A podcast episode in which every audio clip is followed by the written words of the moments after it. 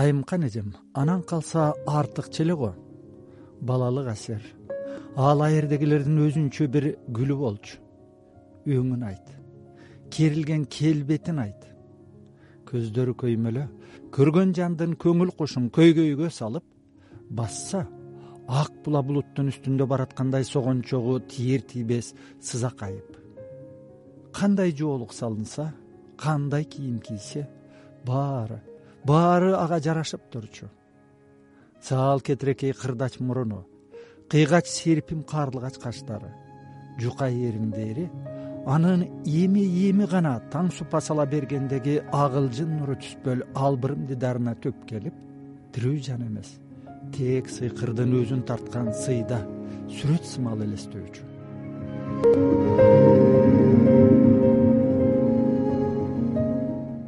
айымкан өскөн даникеевдин арман романындагы оорго сынбаган жеңилге ийилбеген күчтүү каармандардын бири. Айымкандын күйөөсү кан майданда душман тарапка өтүп кеткен деп шектелип анын кесепетинен жаш келин өз учурунда чыккынчынын бет терисин сыйрбаган аялы катары казакстанга айдалган айымкан кыргыз балетинин легендасы бүбүсайра бейшеналиева сыяктуу эле согуш алдында ленинграддагы хореографиялык окуу жайдан окуп келген балерина. Бул ич дүйнөсү айланасын нурланткан кажыбас келиндин сүргүндөгү бейнесин жазуучу он жаштагы башкы каарман сабырдын көзү менен сыпаттап берет. Ал кыялдан. Ал кыялдан эми ошол убактагы маданиятка адабиятка искусствого э, болгон көз караштар жанагы эл э, душманы тигиндей мындайларга аралаштырып жанакындай талантты караган эмес деген сөзгө айтсам керек го деди бүгүн сексен үчтүн кырындагы жазуучу өскөн даникеев. Арман романы алтымыштан ашкан сабыр аксакалдын өз өмүрүн эскерүүсү ал жана апасы күнөөсүз күнөөлүүлөрдөн. Атасы согушта кан кечип жүрүп дарексиз жоголгондон улам чыккынчылык кылган деп айыпталган. Ошого апасы сүргүнгө айдалып сабырды өзү менен ала кетет. Апа бала кадимки мал жүк салуучу вагондо баратып алый аксакал жана зайыбы айымкан менен табышат бул бешөө сүргүндө мекенин саткан чыккынчы деп кавказдан айдалып келген бир айыл эл жана эрди зайып казак үй бүлө менен чогуу ынтымак жашайт. Сталиндик адамдарга ишенбөөчүлүк кимден болсо да шектенүүлөр бийликтин өз букарыларын капастагы макулуктай көрбөгөн зулумдугу бир коктудагы ар кошкон адамдардын катаал жашоосу чыгармада өтө реалдуу сүрөттөлөт ошого менде өскөн даникеевдин ата энеси да. Совет өкмөтүнө ишенимсиз элемент катары соттолгонбу деген ой пайда болуп калемгерден романдагы баш каарман сабыр өзүңүзсүзбү? деп сурадым. Э, жок жок.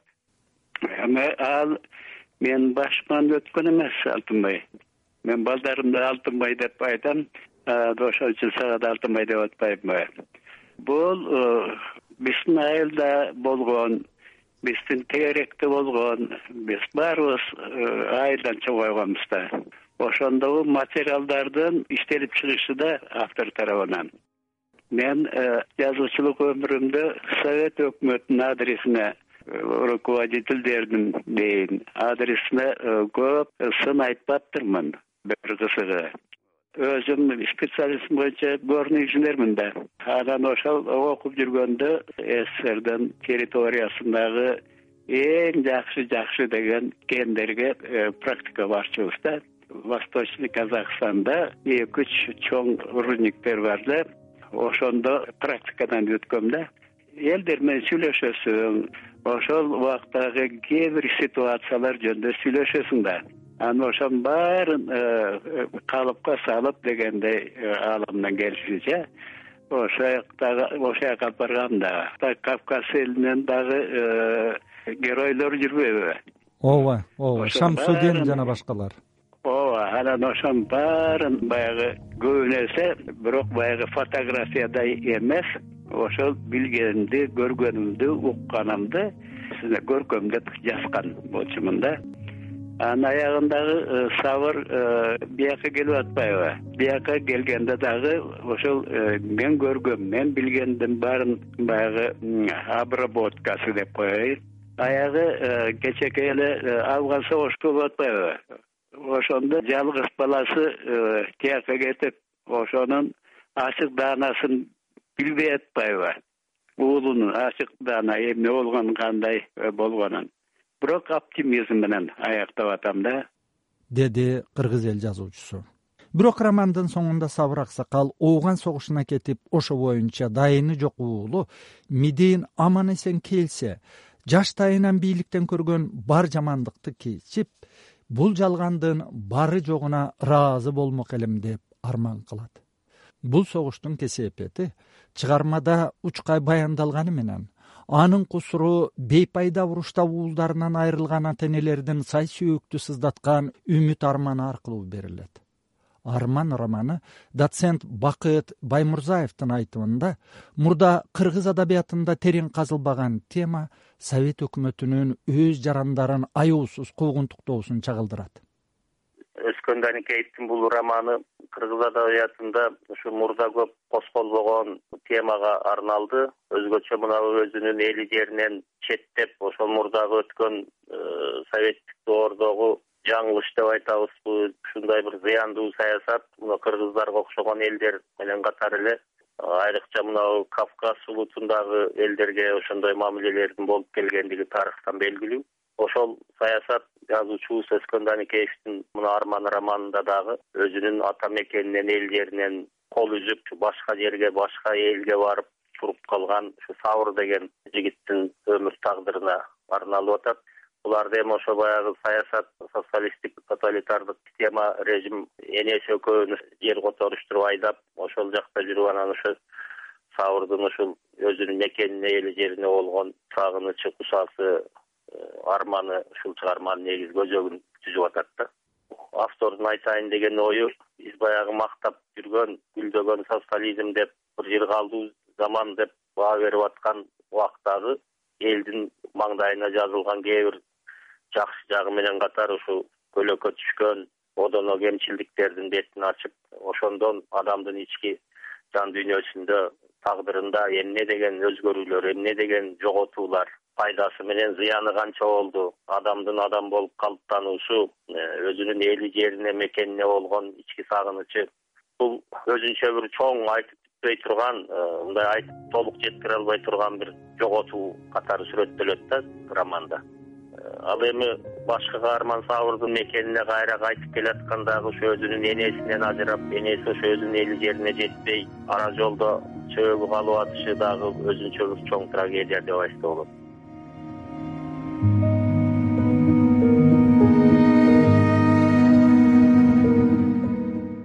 Ободо өскөн даникеевдин арман романына арналган китептекче берүүсү.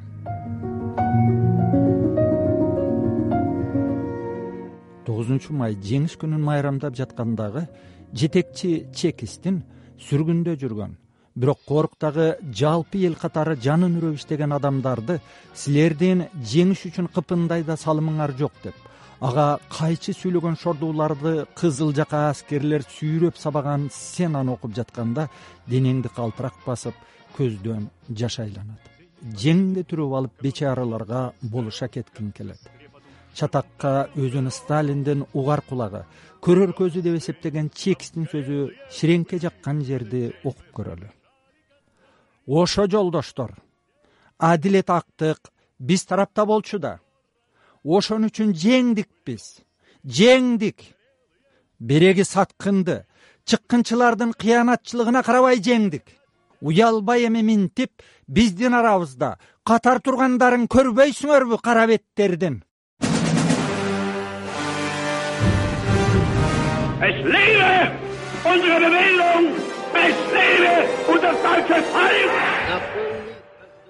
бул көрүнүш да турмушта болгон окуяларга негизделип жазылганын айтты өскөн даникеев өзү. Эми бул баягы жазуучунун фантазиясы да. Эми чын дегенде ошонун так өзүндөй болбосо дагы ошого окшогон эпизоддор ошого окшогон окуялар болгон ага мен э, күбөмүн анан ошонун баягы ошо обобщать эткен формасында э, кагазга түшүргөм романдын дагы бир каарманы. Кавказдык шамсудин мурда чоң деңгээлдеги партиялык чарбалык жетекчи кызматтарда иштеген тажирбалуу ак жүрөк коммунист. Ал тогузунчу май күнү райондук чекистердин чоңуна каяш айтканы үчүн анын айылын кызыл жакачандар ошол түнү белгисиз жакка жүктөп кетет өскөн даникеев бул бейкүнөө элдин тагдыры аркылуу бүгүнкү сот прокуратура милиция органдарынын кызматкерлери чоң кызматтагы адамдардын жөнөкөй букарыларды эч тоготпой кодулап коркутуусу тээп тепсеп бирок бул мыйзамсыздыктары үчүн жазасыз калган учурларын кыйыр чагылдырганбы деген күдүк ойдо жаралат. Бул ой канчалык негиздүү деген суроого сыпаа жазуучу мындай деди.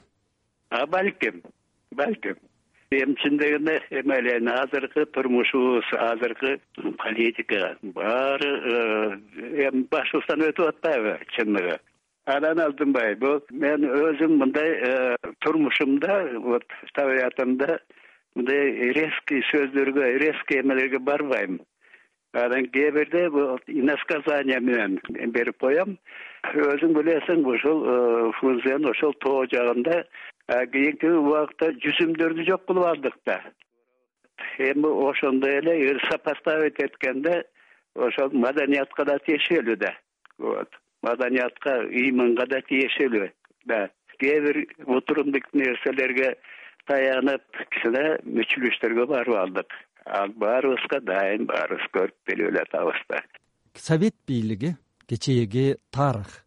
Арман романы улуу муундун кубанычка да оорчулукка да жокчулукка да бай жашоосунун орундалбаган үмүттөрүнүн көркөм тарыхы. Же доцент баймурзаевдин сөзү менен айтканда сабырдын орду толбогон түбөлүктүү арманы чыгарманын аягында канчалык баягы заман өзгөрүп эме оңолуп э, эл жашоо турмушу жакшырган менен сабырдын ички жан дүйнөсүндө толбой турган бир рухий боштук калып калат да. Ошол чыгарманын өзөгү аягы ушул окуялар менен ушул маселелер менен коштолуп отуруп чыгарманы ошо өзүнүн аты айтып тургандай өзүнчө бир түбөлүктүү арман сыяктуу калат. Автордун негизги айтайын деген ою дагы ошого келип такалат да баягы өмүрүңү коштоп жүрсүң бир арман деп айтылгандай эле бул сабырдын арманы армансыз адам болбойт деген түшүнүктөн эмес. Ушул кийинки саясаттын мезгилдин адам баласы жасаган алып келген орду толгусуз жоготууларына арман сабырдын арманы ошол болуп атат. Деди жусуп баласагын атындагы кыргыз улуттук университетинин филология факультетинин доценти бакыт баймурзаев өскөн даникеевдин арман романы чыккандан бери эки жолу кайра басылды. Анткен менен жалпы нускасы бир жарым миңден ашкан эмес. Бул да арман